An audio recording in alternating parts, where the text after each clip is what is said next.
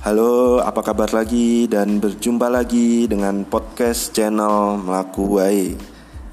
Di podcast kali ini uh, saya ingin menyiarkan ya tentang kelucuan atau kegelian yang saya rasakan selama masa pandemi pandemi COVID-19.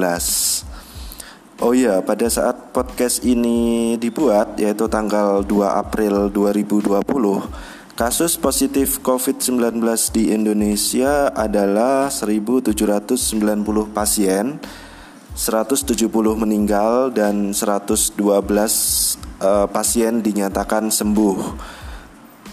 Masih terjadi penambahan pasien uh, positif saat podcast ini dibuat ya.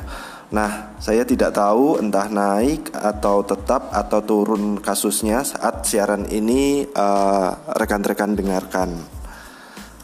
Oke, langsung saja ke kelucuan atau kegelian ya yang saya rasakan yang terjadi saat pandemi. Nah, rekan-rekan boleh setuju atau boleh tidak, terserahlah. Kelucuan atau kegelian yang pertama adalah tentang salah kaprahnya penggunaan desinfektan. Desinfektan uh, yang harusnya disemprotkan atau digunakan untuk mendesinfeksi benda mati eh saat pandemi ini dari awal pandemi lagi ya disemprotkan juga ke manusia. Kemudian kena kulit bahkan kena wajah. Konyol sih. Terus uh, banyak juga loh instansi-instansi baik itu pemerintah entah daerah atau instansi uh, kantor yang lain ya yang melakukan penyemprotan desinfektan ke ke semua ya benda mati dan juga ke manusia. Itu konyol menurut saya ya. Entah tidak entah tidak tahu atau memang ikut-ikutan saja ya. Desinfektan kan sebenarnya berpotensi ya mengiritasi kulit manusia, kemudian membuat alergi dan sangat-sangat berbahaya ketika terhirup dan masuk paru-paru. Nanti bukannya pneumonia karena virus corona, tapi malah pneumonia karena menghirup desinfektan. Lah kan ini aneh sebenarnya.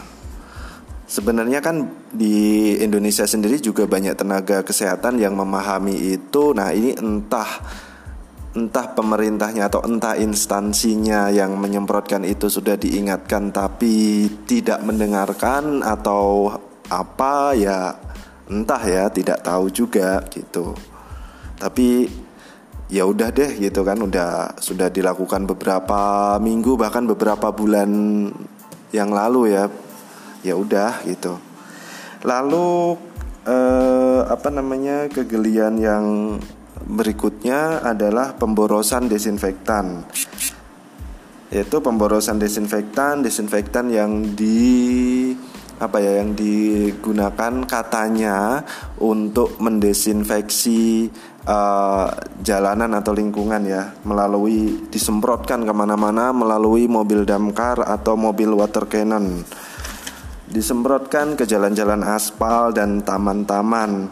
Nah, kalau lihat ini uh, yang pertama ter, yang pertama terlintas di pikiran saya adalah pemborosan desinfektan itu sendiri dan yang kedua adalah pencemaran tanah. Sehingga apa? Sehingga jika terjadi pencemaran tanah oleh desinfektan, bakteri pengurai tanah atau bakteri pengurai sampah yang ada di tanah itu bisa mati. Kemudian lo kok ya kok pemborosan? Ya iyalah pasalnya kan ngapain kita menyemprot uh, aspal atau trotoar padahal kan di siang hari aspal dan trotoar sudah kena UV matahari ya. Nah, perlu diingat juga bahwa si virus corona ini adalah virus yang mempunyai envelope. Nah, ini kalau belajar virologi tahu atau nanti bisa di googling apa itu envelope di virus. Nah, virus yang berenvelop itu kena UV matahari saja mati. Ngapain juga disemprotin desinfektan?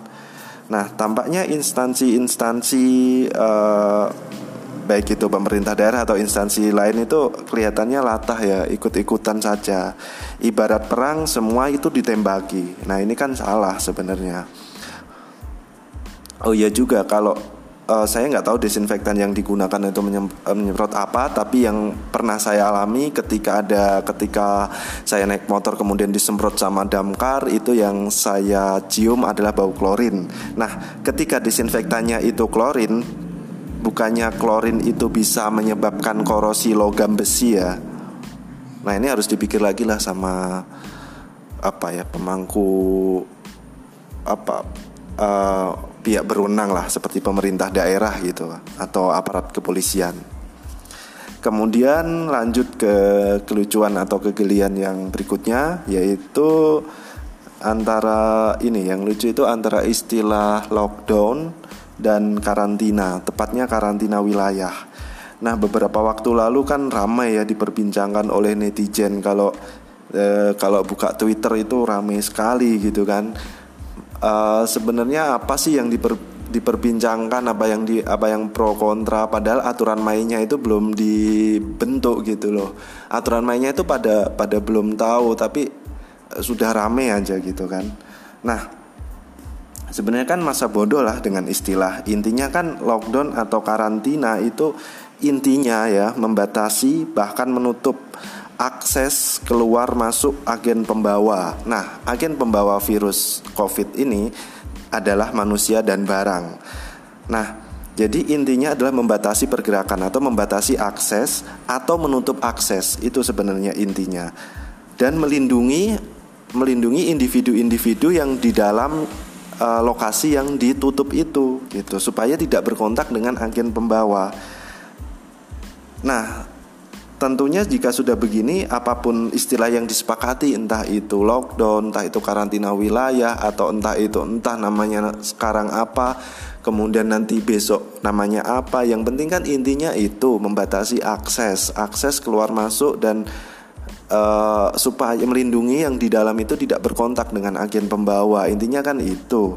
Dan jika memang seperti itu, maka si apa ya pemerintah pemerintah itu kan uh, harusnya kan memang membahagiakan dan mem mensejahterakan warganya. Nah si pemerintah ini ya harusnya uh, menanggung logistik uh, selama penetapan masa apa entah istilahnya lockdown karantina atau apa ya.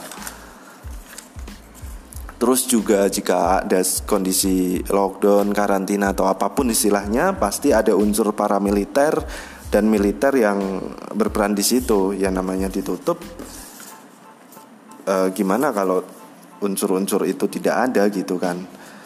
Nah e, kemudian kan kalau tidak salah sekarang dinamakan PSBB ya e, atau pembatasan sosial berskala besar. Nggak tahu kalau saya salah e, mohon dikoreksi ya tapi masih bingungi ini sebenarnya pemerintah ini. Masih bingungi dan aneh sebenarnya. Pagi uh, bikin aturan A kemudian kayaknya gitu kan kayak terkesannya pagi bikin aturan A. Kemudian siang bikin B. Sore C kan aneh kan jadi bingung. Nah makanya di di Twitter atau di uh, media sosial ya ramai diperbincangkan netizen gitu kan. Ya wajar sih ada yang bilang uh, pemerintahnya lalai bahkan ada yang menggugat itu wajar sih. Karena uh, selama pemerintahnya atau apa ya selama orang di atas itu saling entahlah eker-ekeran itu kalau orang Jawa ya netizen akan punya persepsi yang lain. Entah pro entah kontra entah entah ya gimana gitu kan. Entah mengkritik Nah, ya itulah kemudian. Terus dari ramenya istilah lockdown ya atau karantina eh, banyak kampung-kampung dan komplek perumahan yang menutup diri tanda kutip ya memortal pintu masuknya. Tapi lucunya sih eh, si lucunya ya si penghuni atau warga komplek atau kampung atau warga kampung itu masih mudah keluar masuk komplek. Nah, ini kan lucu sekali. Berbanding apa ya istilahnya berbanding 180 derajat dari istilah lockdown atau penutupan ya. Harusnya kan ya mereka ya di dalam itu kalau memang kesepakatannya kesepakatannya di lockdown ya di dalam tidak boleh keluar, tidak boleh masuk, tidak ada tidak boleh ada agen pembawa yang masuk dari luar gitu. Entah itu barang lah ya barang ya. Nah ini kan sebenarnya agak sulit ya. Tapi lucu sekali sih sebenarnya. Mereka bikin tulisan itu besar-besar di portal tapi kenyataannya berbanding 180 derajat. Lucu lah. Harusnya kan kalau bilang lockdown ya udah warga tidak boleh keluar masuk ya di dalam rumah aja gitu kan. Nanti logistik ya ditanggung yang ya apa ya pemerintah daerah kah atau apa gitu atau pemerintah pusat entahlah itu. Aturannya seperti apa saya juga nggak tahu. Kemudian anehnya ada saat, e, beberapa ya perumahan di Bekasi itu yang menerapkan aturan seperti ini yaitu aturan lockdown ya. Tulisannya sih gede lockdown. Nah lucunya itu e, ya pertama warga masih bebas keluar masuk kemudian ketika ada kurir yang kurir ya pengantar atau penjemput barang biasanya kurir kan banyak pakai sepeda motor. Nah itu di stop atau diberhentikan di pos security. Jika ingin menjemput atau mengantar barang motor silakan ditinggal kurir sila, silakan jalan ke arah rumah orang yang mau diantarkan barangnya atau dijemput barangnya. Nah ini kan konyol gitu loh. Harusnya kalau membatasi ya udah barang stop di pos security kemudian si pengantar tidak boleh masuk barang didesinfeksi dulu kemudian barang diantarkan oleh si security ke rumah warganya. Itu harusnya seperti itu menurut saya ya. Rekan-rekan boleh setuju boleh tidak gitu kan. Nah itulah ya apa kelucuan selama masa pandemi yang apa ya saya rasakan lucu sekali ya terus uh, ya nantikan podcast berikutnya dari podcast channel Makuae dan terima kasih telah mendengarkan dan sampai jumpa di kesempatan lain.